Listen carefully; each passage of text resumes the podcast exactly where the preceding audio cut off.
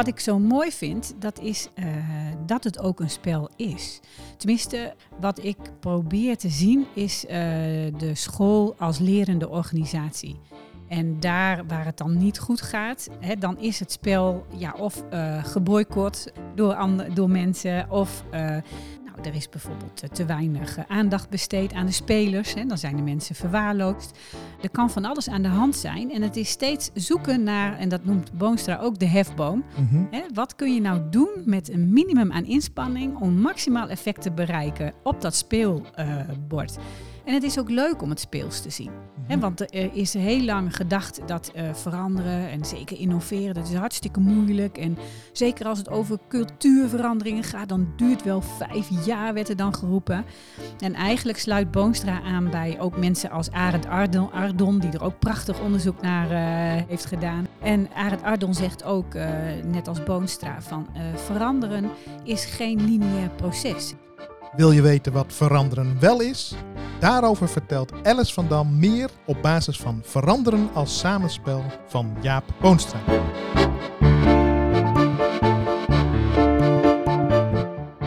Dag beste luisteraars, ik ben hier op een prachtig landgoed, boerderij. ik ben bij Alice eh, van Dam. Dag Alice. Dag Taco. We zijn net al bij uh, een van je grote liefdes geweest, de paarden. Dat klopt inderdaad. Uh, die zien we nu voor onze neus grazen. Dus hoe mooi is dat? Ja, en je hebt ook wel wat met paardencoaching gedaan volgens mij. Ja, dat klopt. Ik heb net vorige week het certificaat gehaald voor de opleiding paardencoaching. Ja. Ik heb al iemand anders gesproken over paarden en, en coaching. Met jou gaan we over dat anders praten. Uh, over het boek uh, Veranderen als samenspel van Jaap Boonstra. Werk je daar veel mee?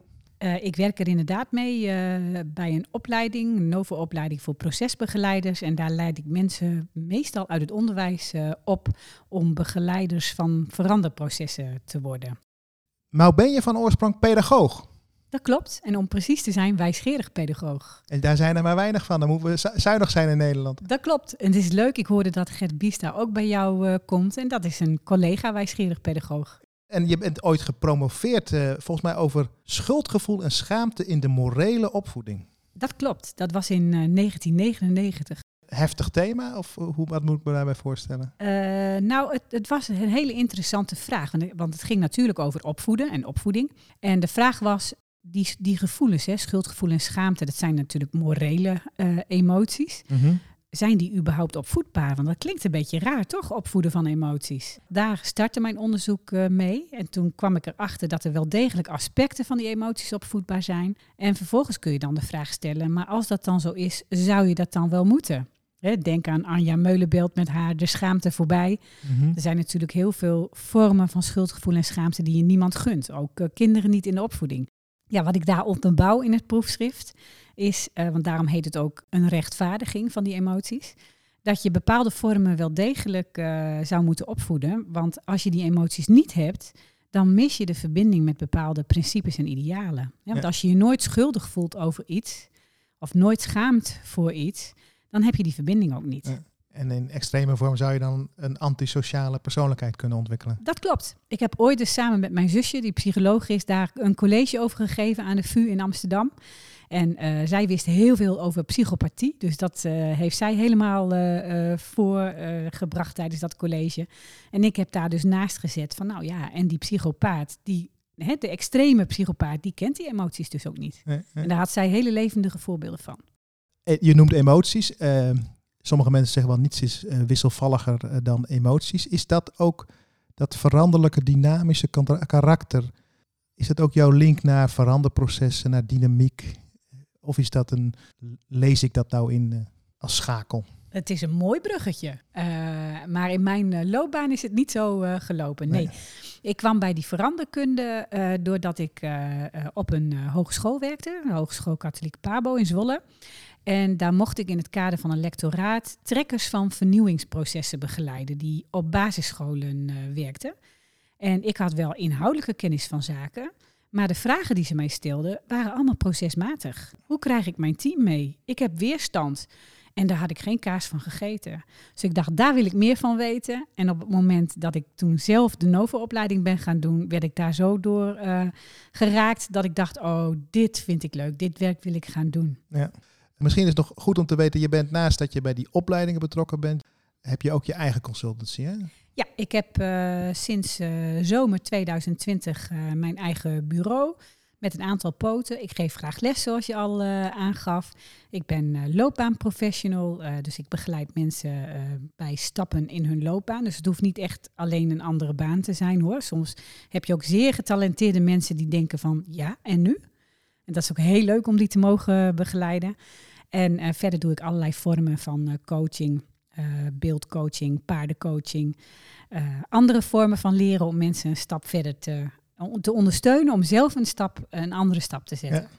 En het beeld dat je voor mij overkomt, zie ik voor me. Namelijk een kleurrijk beeld. En je hebt ook een mooi kleurrijk uh, ja, shirt aan. Dus ik denk dat, volgens mij past dat wel bij jou. Kleurrijke bezigheden. Ik vind het wel heel leuk om, uh, om afwisselende bezigheden te hebben. Uh, ja. ja.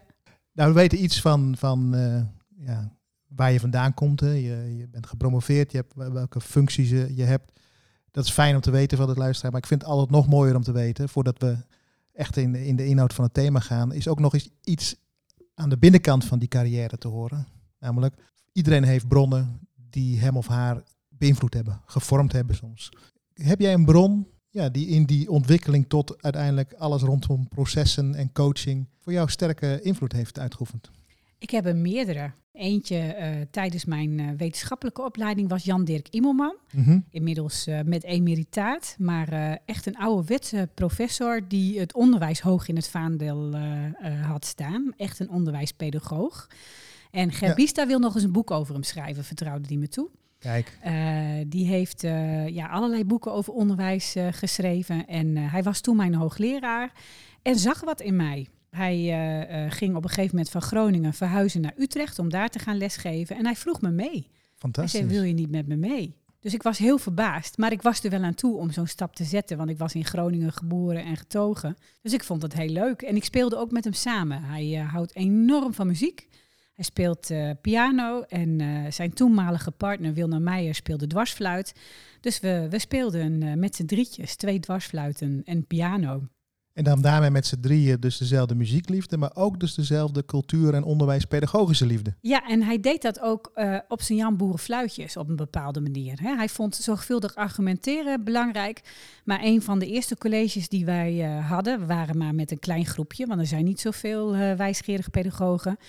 Die waren bij hem thuis. Hij woonde toen nog in Boerakker, ook, ook op zo'n plek zoals dit, een boerderij. Het was prachtig weer.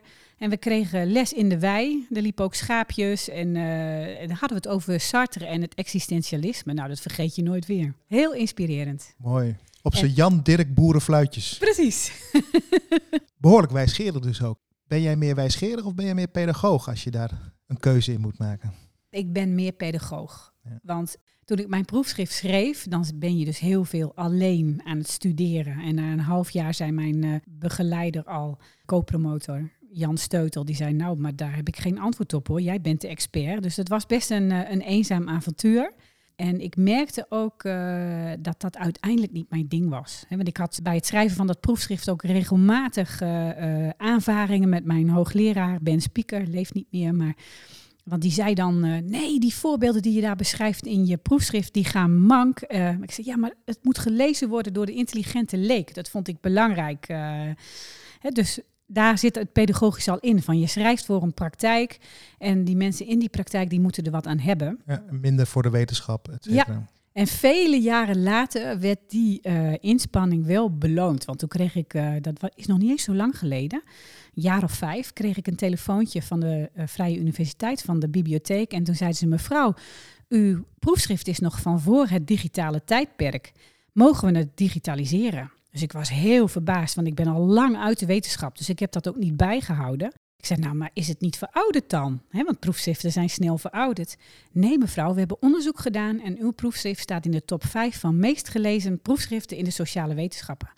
En hij zei natuurlijk niet waarom, maar mijn conclusie is: kijk, ik heb geschreven voor de intelligente leek. Dat was één uh, bron. Je zei ik heb er meerdere. Misschien wil je er nog eentje noemen of zeg je van. Uh...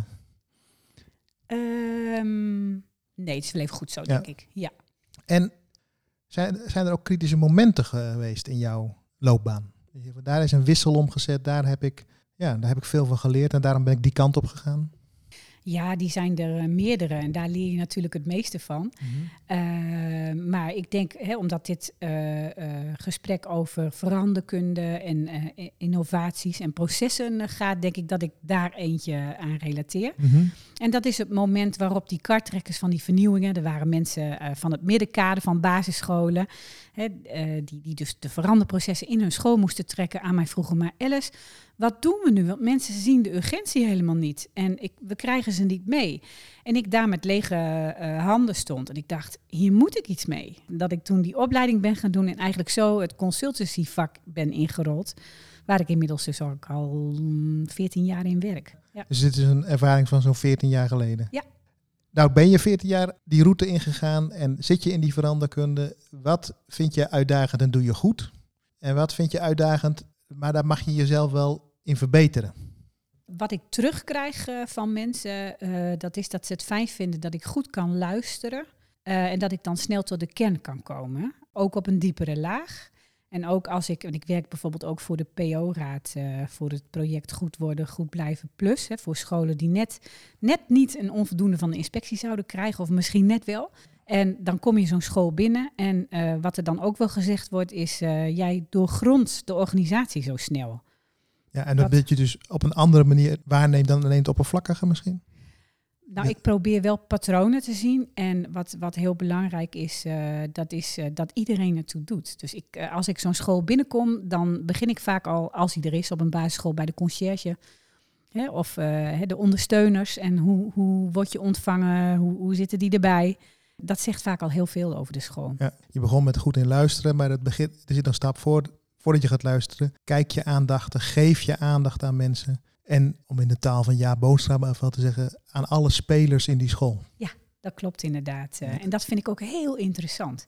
Ik uh, mag me graag verwonderen. En dan probeer ik ook niet te snel te oordelen, maar echt te kijken van nou, hoe, hoe is dit zo gekomen? Wat is nou precies de vraag? En ook de vraag onder de vraag is natuurlijk interessant. Of datgene wat juist niet gezegd wordt. Uh, precies. Ja. ja, dat is dus datgene wat ik dus ook e-, eerder ook al aan je vroeg. Je kijkt dus met meer lagen. Hè? Je, je kijkt dus voorbij de oppervlakte, probeer je te zien wat er speelt. Ja, dat probeer ik wel. Ja. En dat lukt natuurlijk de ene keer beter dan de ander. En uh, wat ik lastig vind, is, uh, ik vind alles leuk. En dan goed keuzes maken. En ook uh, als, je, als ik een planning maak, om me daar dan goed aan te houden. Want zeker, ja, dat is ook een begrip uit de veranderkunde storingen gaan voor. Hè, dan is er iets met een klant of iets uh, op een school. En want ik kom natuurlijk vaak wel in de oven van de school, hè, daar waar het gedoe uh, is. Nou ja, als mensen je dan bellen van joh Alice, uh, luister eens, ik moet even iets kwijt, dan ben ik toch altijd geneigd om dat voor te laten gaan. Dat betekent dan wel eens dat je nog tot in de late uurtjes doorgaat.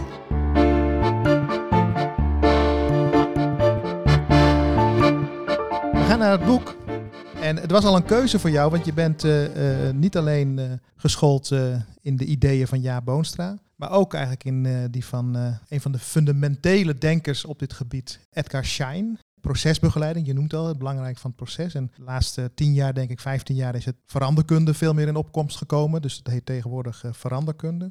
Even kort voor de luisteraar om te weten waar we het over gaan hebben. Maar we zullen het meeste via jou het boek ook bespreken. Het uh, boek heet uh, Veranderen als samenspel. Auteur is Jaap Boonstra. Hoogleraar, hè? Ja. Waar is die hoogleraar? Of is die, want hij woont in Barcelona, zeg ik. Aan de Universiteit van Amsterdam destijds, maar nu volgens mij ook uh, in Barcelona.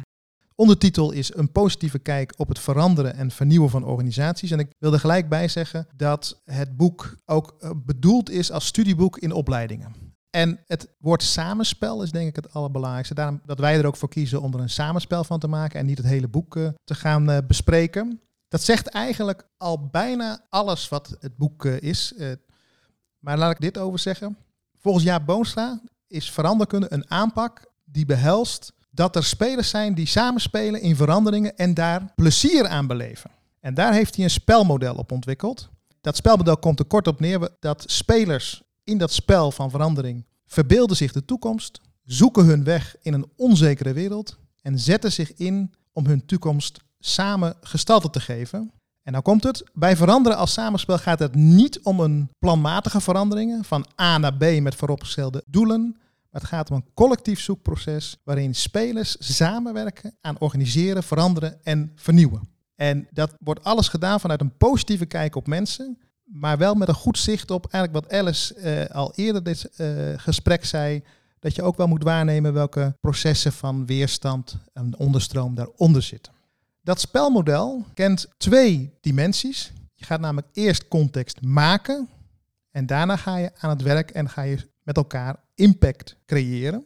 In het onderdeel context maken is een aantal factoren enorm van belang in het zogenaamde speelveld. Dat zijn, ik noemde hem net eerder al, alle spelers, zowel in als buiten de organisatie. Want het gaat om organisatie en de omgeving. Je gaat met elkaar zoeken naar een spelambitie. Dus je gaat kijken waarom zouden we willen veranderen? Wat is onze betekenis die we willen bereiken? En we gaan onderzoeken in die context wat zijn onze huidige spelpatronen, waar dus ook onderstroom een rol speelt. En zo kom je uiteindelijk met elkaar tot een spelidee. En een spelidee, dan kies je een veranderstrategie. Want er zijn meerdere veranderstrategieën die je kunt kiezen. Daar wil ik dit bij zeggen, dat meerdere om te kiezen, maakt het boek en maakt Jaap Boonstra ook steeds duidelijk dat dat met de kleuren van uh, de Kaluwe te maken heeft. Dus de kleuren van de Kaluwe zijn kleuren, uh, ik heb ze al eens eerder in de podcast besproken, die zal ik hier niet noemen, maar zijn kleuren waar je ook veranderstrategieën mee kunt opbouwen.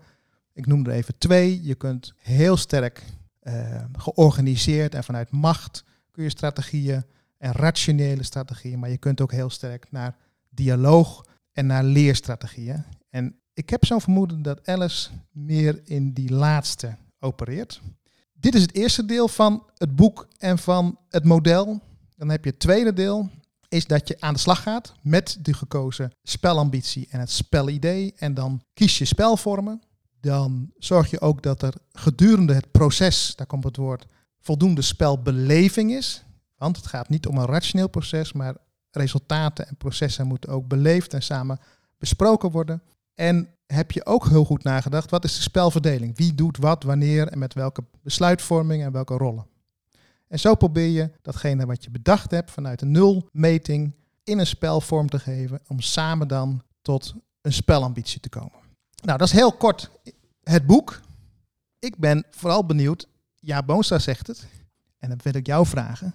Wat is er zo belangrijk aan spelen in de veranderkunde? wat een mooie vraag. En wat heb je het boek prachtig samengevat? Dat vind ik wel knap. Uh, nou, wat ik zo mooi vind, dat is uh, dat het ook een spel is. Tenminste, wat ik probeer te zien, is uh, de school als lerende organisatie. En daar waar het dan niet goed gaat, hè, dan is het spel ja, of uh, geboycott door, door mensen. Of uh, nou, er is bijvoorbeeld te weinig aandacht besteed aan de spelers. Hè, dan zijn de mensen verwaarloosd. Er kan van alles aan de hand zijn. En het is steeds zoeken naar, en dat noemt Boonstra ook de hefboom. Mm hè, wat kun je nou doen met een minimum aan inspanning om maximaal effect te bereiken op dat speelbord? En het is ook leuk om het speels te zien. Mm want er is heel lang gedacht dat uh, veranderen en zeker innoveren, dat is hartstikke moeilijk. En zeker als het over cultuurveranderingen gaat, dan duurt wel vijf jaar, werd er dan geroepen. En eigenlijk sluit Boonstra aan bij ook mensen als Arend Ardon, Ardon die er ook prachtig onderzoek naar uh, heeft gedaan. Hem zou ik ook nog wel eens in de podcast willen hebben. Ja. Nou, dat zou ik zeker, uh, zeker doen. En um, Arend Ardon zegt ook, uh, net als Boonstra, van uh, veranderen is geen lineair proces. Hè. Wij hebben wel gedacht uh, dat je een innovatie bedenkt, hè, omdat je het nodig vindt. Nou, we moeten als school moeten we ons profileren ten aanzien van de andere scholen bijvoorbeeld. Dus wij gaan op talenten inzetten of hè, we gaan een andere visie neerzetten. En nou, daar maken we een plan van aanpak voor. Dat voeren we uit, dat monitoren we, dat evalueren we en dan is het klaar. Ja. Zo'n soort PDCA-cyclus. Ja. En zo werkt veranderen natuurlijk helemaal niet. Nee. Zeker niet als ik, ook ja, boonsgevolg, als je wilt veranderen met impact. Precies. Want zoals je het net beschrijft, en zoals het veel toch voorkomt, in, en ook buiten het onderwijs in organisaties, dan zit, blijf je toch een soort in een interne cirkel zitten. Ja. En je zit ook midden in die dynamische maatschappij. Precies, en ja. daar gebeurt het. Hè? Dus het is ook belangrijk om je blik naar buiten te blijven ja. richten.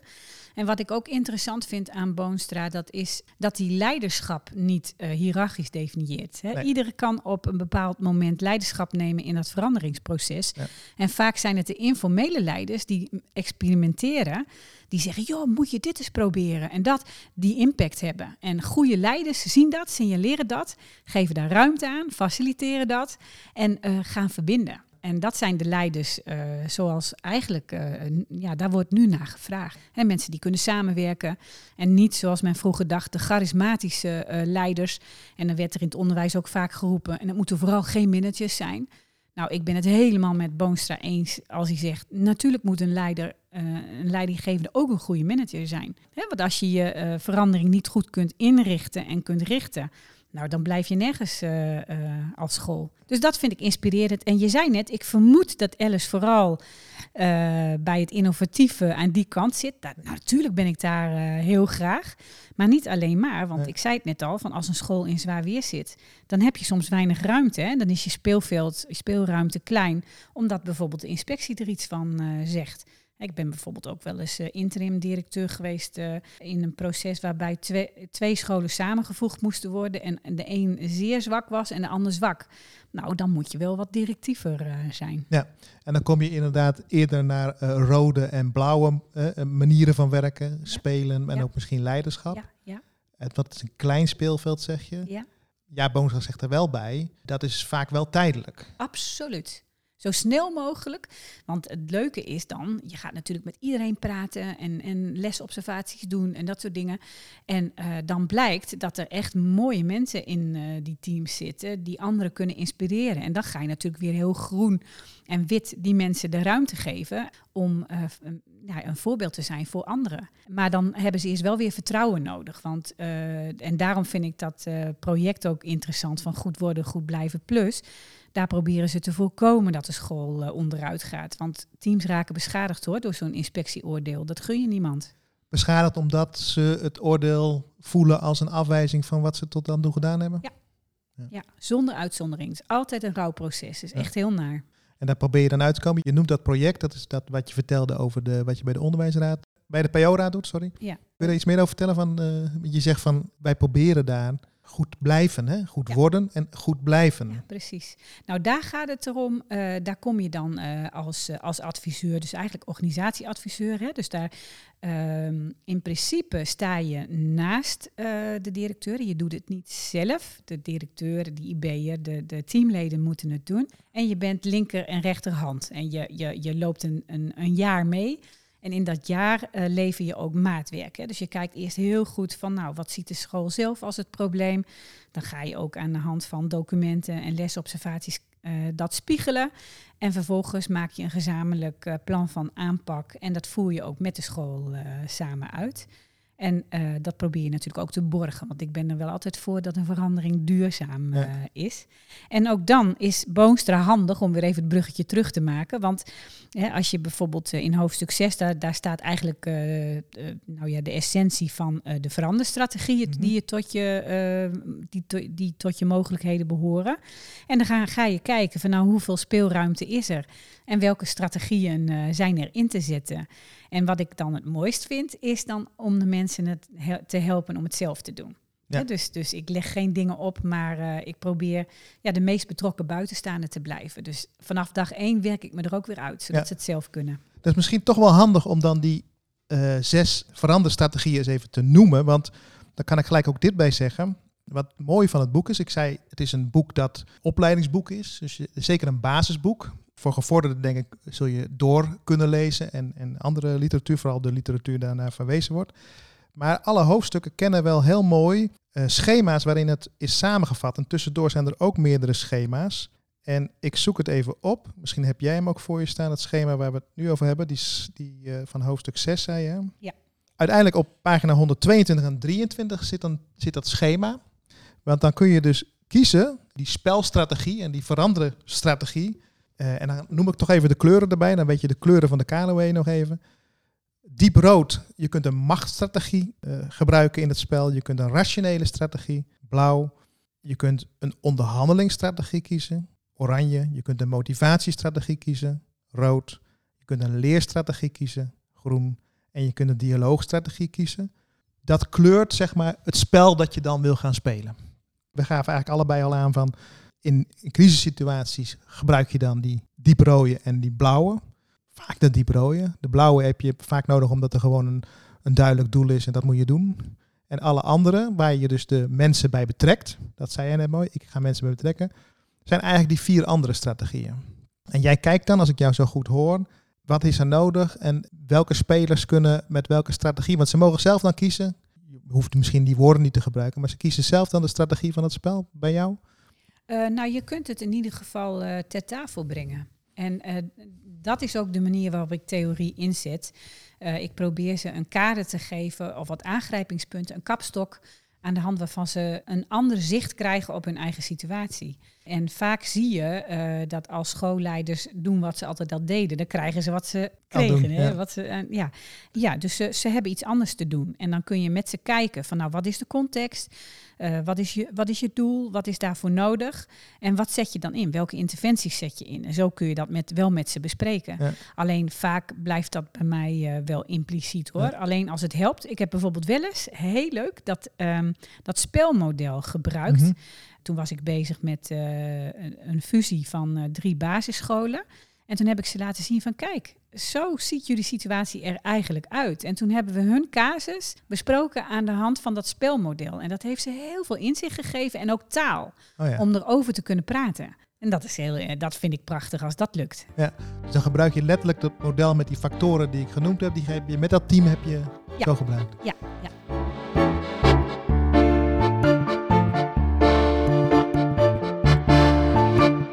Dat woord spel, hè? om daar nog eens een beetje wijsgerig naar te kijken. Ik kan me voorstellen dat misschien ook nu luisteraars zijn die denken, ja, is het een spel?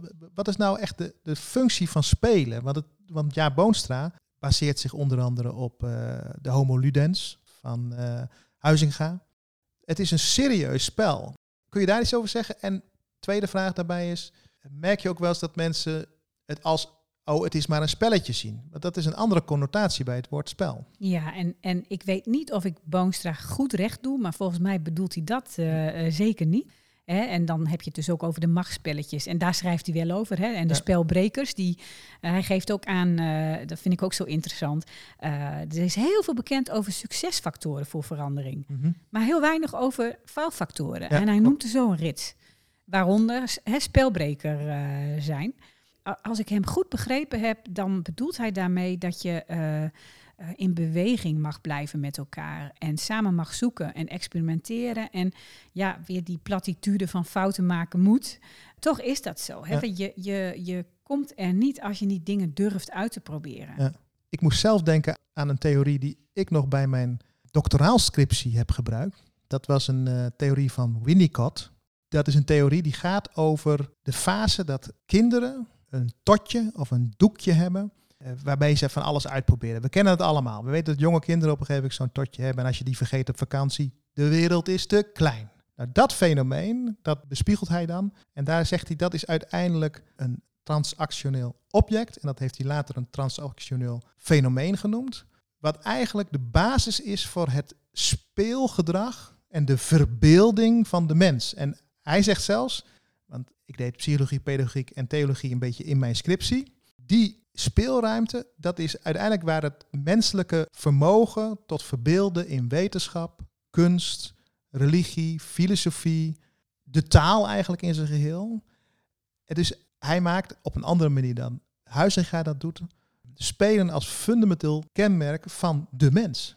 Zeker. En je kunt ook Wittgenstein er nog naast zetten, hè, die het over de taalspelen heeft. Dat, dat, dat, dat eigenlijk taal en iedere cultuur zijn eigen taalspel heeft, waarin uh, kinderen vanzelf worden ingewijd. Hè, dus daar uh, speelt ja. dat ook. Ja. En wat ik tussen je woorden door hoor, ik weet niet of het erbij hoort, maar dat is veiligheid en vertrouwen. Mm -hmm. ja, want dat totje, dat is natuurlijk hun basis. Dat kennen ze. Er zit een bepaalde geur aan, ja. de geur van thuis en uh, is vertrouwd.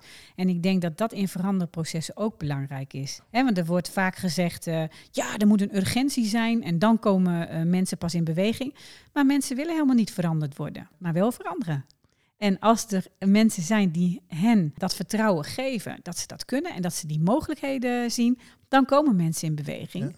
Omdat ze allemaal ambitie hebben. En dat vind ik een ander belangrijk onderdeel van het boek van Boonstra. Die zegt, je moet een goed verhaal hebben. En dat moet niet jouw verhaal zijn als leidinggevende, maar een gedeeld verhaal. Ja. wat het team met jou ook vindt. En van daaruit een ambitie om stappen te zetten. En reken maar dat je dan in beweging komt met z'n allen. Dan maak je ook een mooie combinatie met wat je ter introductie net zei. Een verhaal is dus een mooi taalspel met elkaar. Ja. Waar het mij maar om gaat, ook even naar de luisteraar toe, is dat spelen is dus niet zomaar een spelletje en het is leuk omdat het uh, nou, uh, leuk is voor in de basisschool, daar, daar speel je. Het is fundamenteel mensen, het is een ernstige zaak. Iedereen weet, als we echt spelen, als we echt toegewijd zijn op iets, als we echt iets fascinerends vinden, dat zit allemaal in spel. En dat is wat hij bedoelt met eh, spelen als veranderen. Klopt, en het boek is vooral niet voor onderwijs geschreven. Hè? Nee, dus er staat één voorbeeld. Ja, Ja. precies. Hè, dus eh, het geldt ook voor het bedrijfsleven, maar het helpt wel om er taal voor te vinden, om het er samen over te hebben. Maar wat ik een veel belangwekkender boek vind nog, in, eerlijk gezegd, als je in die procesbegeleiding eh, zit, is het boek van Shine, wat je net... eh, ja, ik noemde hem al. Ja. Vertel, wat, wat is het belang van Edgar Schein? Nou ja, die opende mijn ogen eh, voor ondersteunende rol die je hebt als eh, eh, procesbegeleider. En dan als docent word je vaak, in ieder geval werd je vaak opgeleid tot expert. Ik weet het en ik draag iets, iets over, even heel kort door de bocht gezegd. En dat is, kan ook belangrijk zijn, hè? ook in een veranderproces. Want als een school zegt van nou wij willen bijvoorbeeld rondom eh, eh, ICT een aantal dingen leren. Nou dan is het prima dat er een expert komt die ze daarin traint. Dan moet je dat vooral ook doen. Maar heel veel veranderprocessen binnen scholen zijn ingewikkelde processen waarvan de uitkomst nog niet zo zeker is. En dan heb je een procesbegeleider nodig. Maar heel vaak eh, roepen scholen je in eh, met het idee van, eh, nou, maar jij weet eh, hoe het moet. Hè? Dus of ze zetten je in de rol van expert, of ze zetten je in de rol van dokter. Hè? Ja. Van, van de dokter kan ons helen, los het maar op, wij hebben een probleem.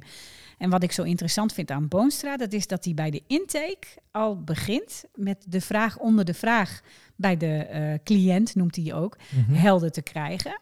En dat hij ook zegt van een intake is geslaagd op het moment dat de opdrachtgever aan het denken is gezet. Ja.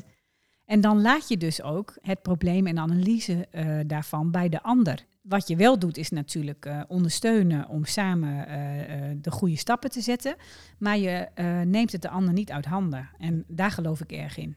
Daar noem je wat. Hè. Het is mij uit het hart gegrepen. Hè. Ik begeleid ook scholen. Ik herken ook dat er een risico is dat een opdrachtgever je inroept omdat ze willen werken aan missie-visie en jij weet er veel vanaf en jij hebt het vaak begeleid.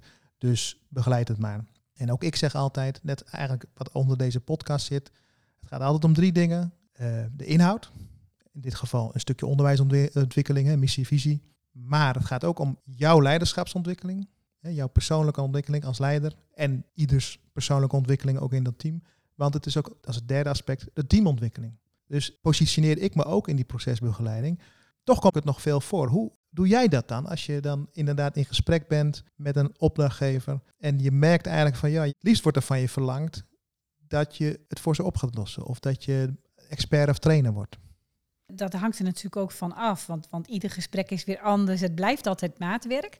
Maar ehm, nou, wat wel helpt is een vraag stellen als ehm, voor welk probleem is dit een oplossing? En wat is dan de beste manier om dit probleem aan te pakken? Ja. En hè, ook hoe, hoe ziet het er dan in de toekomst uit? Waar, waar mogen we dan eh, aan denken? En eh, vaak zie je dan ook de, de lol in de ogen van de ander. En daar begint het spel, hè? Ja. Ja, en dat toekomstbeeld, dat is ook een van die factoren.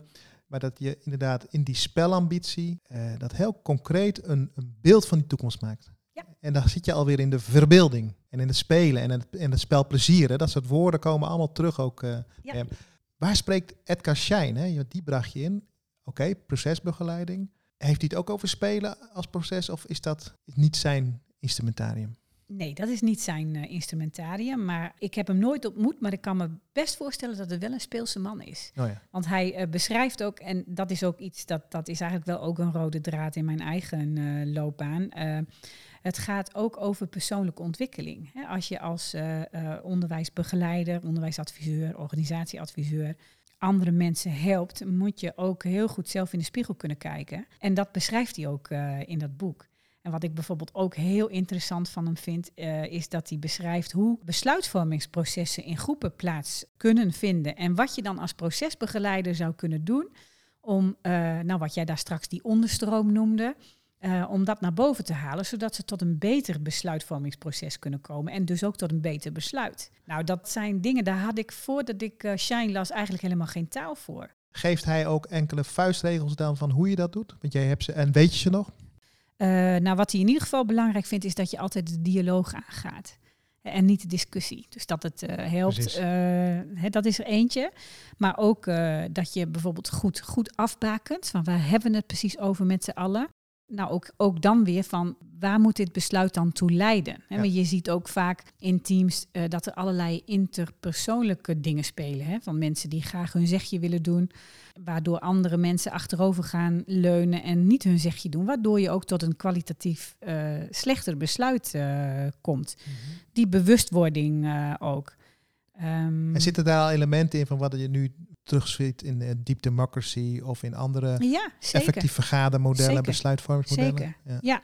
maar hij geeft ook aan van, uh, ja, hoe kom je dan tot die besluitvorming? Want hij, hij legt hier, hier bijvoorbeeld uit van uh, de meerderheid. Hè, waardoor je stemt. consensus is weer een andere aanpak. door automatische goedkeuring of door een minderheid. Ja. En als mensen zich daarvan bewust worden van hoe doen wij dat, wat is daarin het patroon, dan kunnen ze het natuurlijk ook doorbreken om tot een beter besluit uh, te komen.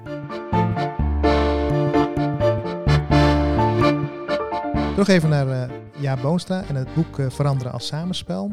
Een kritische gedachte die ik had bij het lezen is dat het goede van zijn boek kent ook een nadeel. Het goede van zijn boek dat het dus helder die factoren beschrijft en dat hij bij elk hoofdstuk, bij elk factor mooie schema's geeft en figuren geeft en ook mooie vuistregels, hoe je eraan kunt werken. En bijvoorbeeld een vuistregel als als je op een gegeven moment aan spelvormer toekomt, dan gebruikt hij het model van Bateson, eh, wat veel mensen ook kennen van de ui van Korthagen. Um, hij zet ze dan uh, op zijn kop en al die dimensies noemt hij prachtig. En dan zegt hij van nou, als je ziet in de organisatie dat ze uh, een, een, vraag hebben op het niveau van uh, competentie, dan moet je daar beginnen. En het bovenliggende niveau, dus het gaat ook over normen en waarden. Of als het bij normen en waarden ligt, begin bij normen en waarden. Of het niveau daarboven. Dus prachtige vuistregels.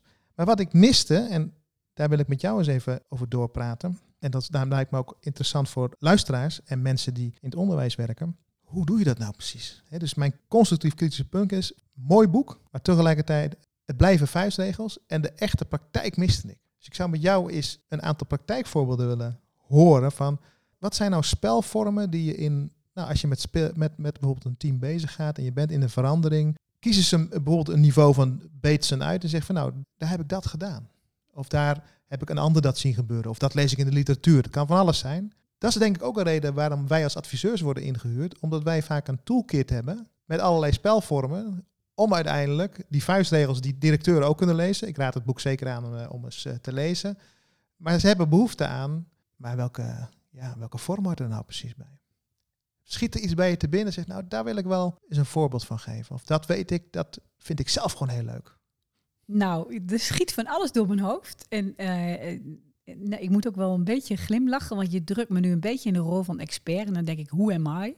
Nou ja, in ieder geval ervaringservaring, want je hebt veel, je hebt veel ervaring. Zeker. Nou, misschien is het leuk om nog even over de, de Novo-opleiding te vertellen. Want daar zitten interne consultants. Ja, die mensen eigenlijk die zitten in een organisatie, die hebben een complexe casus en die willen een, een bepaalde innovatie in hun organisatie. En hen opleiden om de goede dingen te doen, dat vind ik het allermooist. Oh ja. En uh, de niveaus van Bateson vind ik uh, handig om ervoor te zorgen dat je het niet te zwaar maakt. Hè? Dus je, je, moet niet dieper gaan dan nodig in een ja. verandering. Hè? Dus ook niet therapeutiseren. Uh, kijk, hè? Dus, dus probeer met je beide pootjes in de klei te staan. En wat ik met die mensen doe als docent is, ze brengen hun eigen casus in.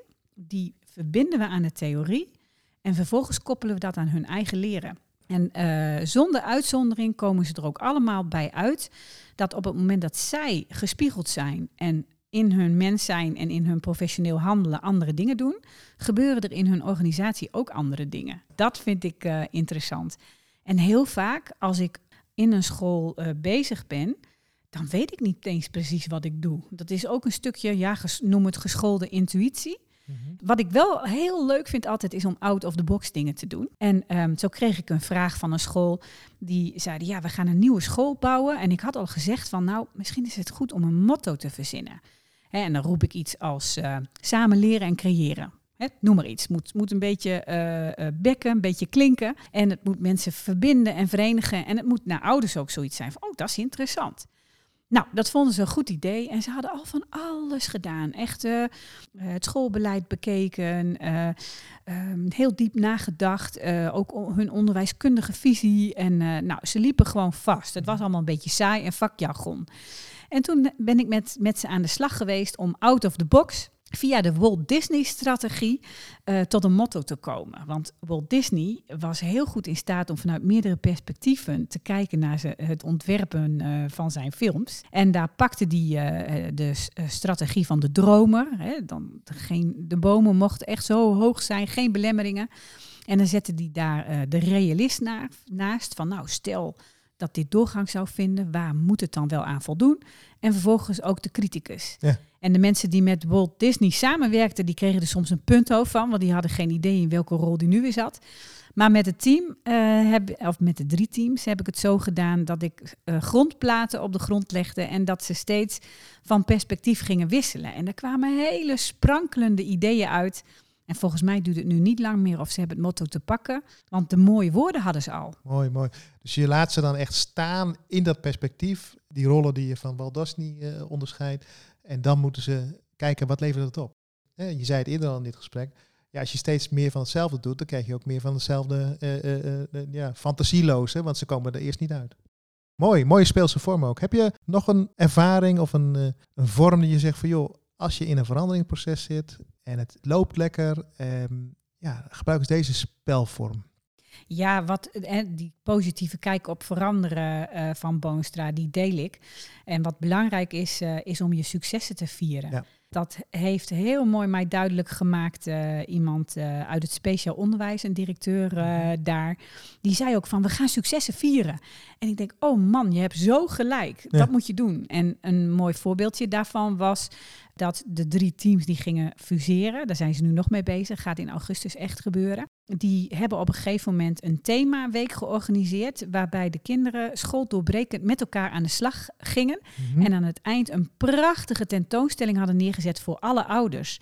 En die ouders moesten ook naar andere scholen, want de kinderen presenteerden ook ineens op een andere plek. En de kinderen van de scholen ontmoeten elkaar en het was één groot feest. En vergeet de kinderen niet, de leerlingen niet. Ook niet in het VO en in het MBO, de studenten. Want die hebben zelf zo goed in de gaten wat ze nodig hebben. Dat is de les ook die Ja Boonstra in zijn, uh, in zijn boek maakt van dat spelen doe je met alle spelers in het veld. En dat zijn dus echt ook je klanten als je een bedrijf hebt, maar misschien ook het netwerk waarin je zit. En dat geldt voor scholen ook steeds meer. En durf dat maar eens te spelen. Mooi, mooi voorbeeld. Heb je nog een laatste voorbeeld of een idee van dat is wel aardig om ons te noemen? Nou, ik zou alle leidinggevenden gunnen uh, dat ze alleen of met hun team een uh, sessie paardencoaching doen. Want uh, je krijgt nu ook op basisscholen steeds meer uh, gedeeld leiderschap. Mhm. En uh, niemand die je dat mooier kan laten ervaren, ook als een andere vorm van leren, dan een paard. En je hebt nog plezier ook. En dan leg ik het linkje inderdaad met de podcast ook van uh, Lonneke Bindels, die het boek De Vijf Rollen van de Meesterherder besprak. En mij in ieder geval heel goed duidelijk maken dat paarden zijn gemeenschapsdieren, kuddedieren. En in die gemeenschap neem je vijf verschillende rollen op. En dat is gewoon prachtig om met elkaar te spelen. Dat maakt het ook minder persoonlijk, want je gaat in een rol staan en je gaat in een spel staan. Dus ja, is een mooie vorm om uh, te spelen. Nou, echt, het is ontroerend om te zien. Ik heb bijvoorbeeld één vorm waarbij dan uh, uh, twee leiders die samen een school moesten runnen en steeds tegen bepaalde dingen aanliepen, met één paard gingen lopen. En ik klikte dus twee halstentouwen aan het paard en de een stond, hè, de paard liep tussen hen in. En de opdracht was alleen maar, ga samen, dat paard stond dan voor je team, uh, het veranderproces in, leid samen het paard. En op het moment dat je denkt, nu hebben we de verbinding met dat paard, alle twee, dus met z'n drietjes eigenlijk, hè, het paard inclusief, klik dan het halstentouw los. Oh ja. En dan loopt dat paard los tussen die twee leidinggevenden in. Nou, echt ontroerend. En als je dan later hoort wat er allemaal gebeurt, want je ziet het ook, En je ziet het paard eerst meer naar de een lopen en dan meer naar de ander. En eh, dan is het, gebeurt er op dat moment ook iets Ja. met die mensen in hun hoofd van, ja, maar zij pakt eigenlijk altijd de lead. En woep, daar gaat het paard. Eh, ja, echt schitterend. En als het ze dan toch lukt, en dan voelen ze ook van, ah, dit is wat er nodig is. En Ja. dan maken we natuurlijk de transfer naar hun eh, praktijk. Je zegt daarmee eigenlijk ook, en misschien is dat ook de metafoor van wat spelen kan doen in plaats van al die linea recta eh, eh, A naar B rationele plannen, is dat je de weg van het hoofd naar het hart maakt.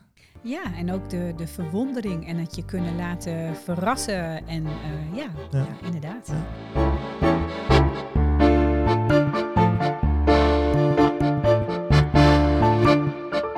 Nou, je geeft eigenlijk al een mooie tip.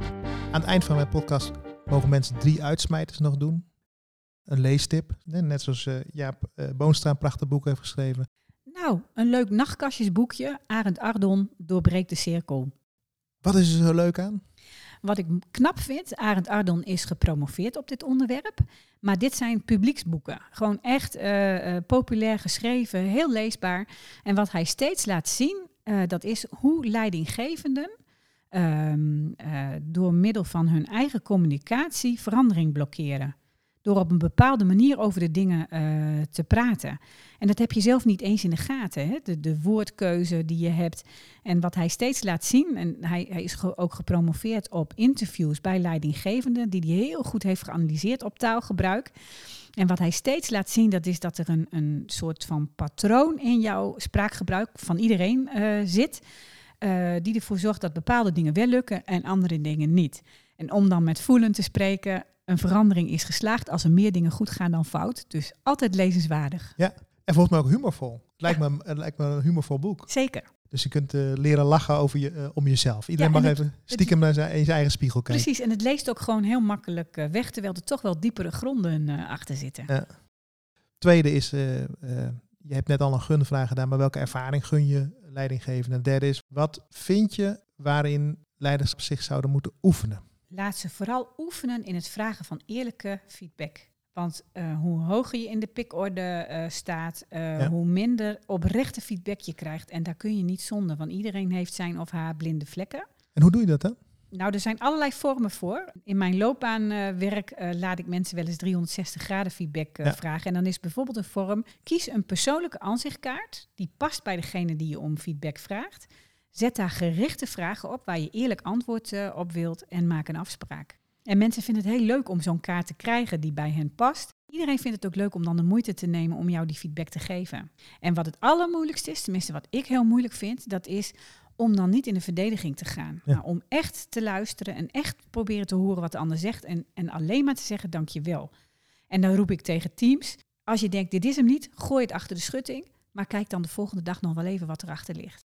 Mooi. Dit is één vorm trouwens dan, als je hem zo, zegt, om te oefenen, om feedback te geven. Heb je nog meer ideeën van hoe je, je elke leidinggevende heeft, loopt het gevaar om een aantal van die, zo'n hofhouding om je heen te krijgen. Of, of juist mensen die zich nooit echt met je bemoeien. En je wilt graag van verschillende mensen feedback. Nou, dit vind ik een mooie vorm. Ja, blijf verbinden. Want eh, afhankelijk van je rol eh, zie je ook meer of minder of andere dingen. En zo heb ik ook regelmatig gesprekken met bestuurders als ik eh, als procesbegeleider ben eh, ingehuurd ergens. En dan mag ik ook, dat vind ik ook heel mooi, wel eens tegen een bestuurder zeggen: joh, er is een teambijeenkomst. Het, hoe mooi zou het zijn als je daar even naartoe ging? En zonder uitzondering vinden ze het heerlijk om weer even met de poot in de klei te staan en ook te horen wat er nu echt speelt. Eh, zorg dus ook dat je verbonden blijft met mensen uit alle lagen van je eh, organisatie. En zet die dan ook in. En zeg je daarmee ook van, hè, dus door, door die verbinding te zoeken, proef en neem je waar, zowel met je ogen als misschien ook met je hart, eh, welke feedback er eigenlijk naar je toe komt. Want hoe mensen dan op je reageren, kan ik me zo voorstellen. Dan heb je ook, krijg je ook een beeld van. Zeker. Ja. En er zijn altijd signalen. En, en vaak mag je als procesbegeleider ook, eh, zonder de boodschapper te zijn, hè, maar wel eh, signalen ook benoemen. Hè, door te spiegelen of door te zeggen van ja, eh, ik weet dingen niet en ik weet dingen wel. Want je mag bij de een, hè, je moet wel integer blijven. Maar soms kun je dan net op de rand zeggen van joh, hoe mooi zou het zijn als je die en die zou vragen naar dat en dat onderwerp. En als je dan het vertrouwen hebt en, en de bestuurder doet dat, of de leidinggevende, dan levert dat zonder uitzondering prachtige verhalen op. En wat ik ook doe als ik docenten observeer in de klas, dat is vragen of ik twee leerlingen mee mag nemen. En die interview ik dan, dat neem ik op. Mhm. En dan zeg ik ook tegen de leerlingen, je mag altijd zeggen aan het eind van dit interview, Alice, ik wil niet dat je dit filmpje laat zien. Is nog nooit gebeurd. En ik heb meerdere keren docenten in tranen gehad, want die hebben de dingen gehoord van hun leerlingen die ze eerder nooit eh, hadden gehoord. En leerlingen geven prachtige feedback. Heel respectvol ook.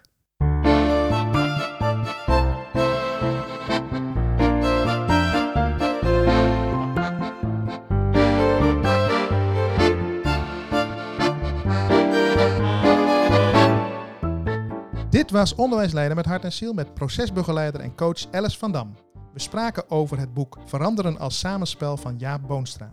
Dit boek presenteert een spelmodel voor veranderen in organisaties. Het is bedoeld voor mensen die willen samenwerken om hun organisatie toekomstproof te maken in een dynamische samenleving. Boonstra beschrijft een spelmodel dat een speelveld is met twee dimensies. Dimensie 1 noemt hij context maken. En dit houdt in dat je alle spelers in beeld brengt met hun spelpatronen en hun spelambitie. Om zo te komen tot een spelidee waarin je een veranderstrategie kiest die je wilt inzetten. Dimensie 2 noemt hij impact hebben. Waarin je door middel van spelvormen, spelbeleving en spelverdeling met elkaar de verandering vormgeeft. Centraal staat dus het spelidee met de veranderstrategieën. Die strategieën komen uit het denken van de KLW. Diep rood staat dan voor macht gebruiken. Blauw is rationaliteit. Oranje is onderhandelen. Rood is motiveren. Groen is leren. En wit is dialogiseren. Qua leidinggeven is het boek bedoeld voor horizontaal leidinggeven. Verantwoordelijkheid geven aan mensen die al met verandering bezig zijn. De leestip van Alice is Doorbreek de Cirkel. Een boek waarin Arend Ardon laat zien hoe je als leidinggevende de veranderingen juist door je eigen manier van communiceren tegen kunt houden. Deze podcast is mede mogelijk gemaakt door ATTC, schoolleidersopleiding in Hilversum voor PO en VO. Mijn naam is Taco Visser en mijn motto is lesgeven en leidinggeven met liefde.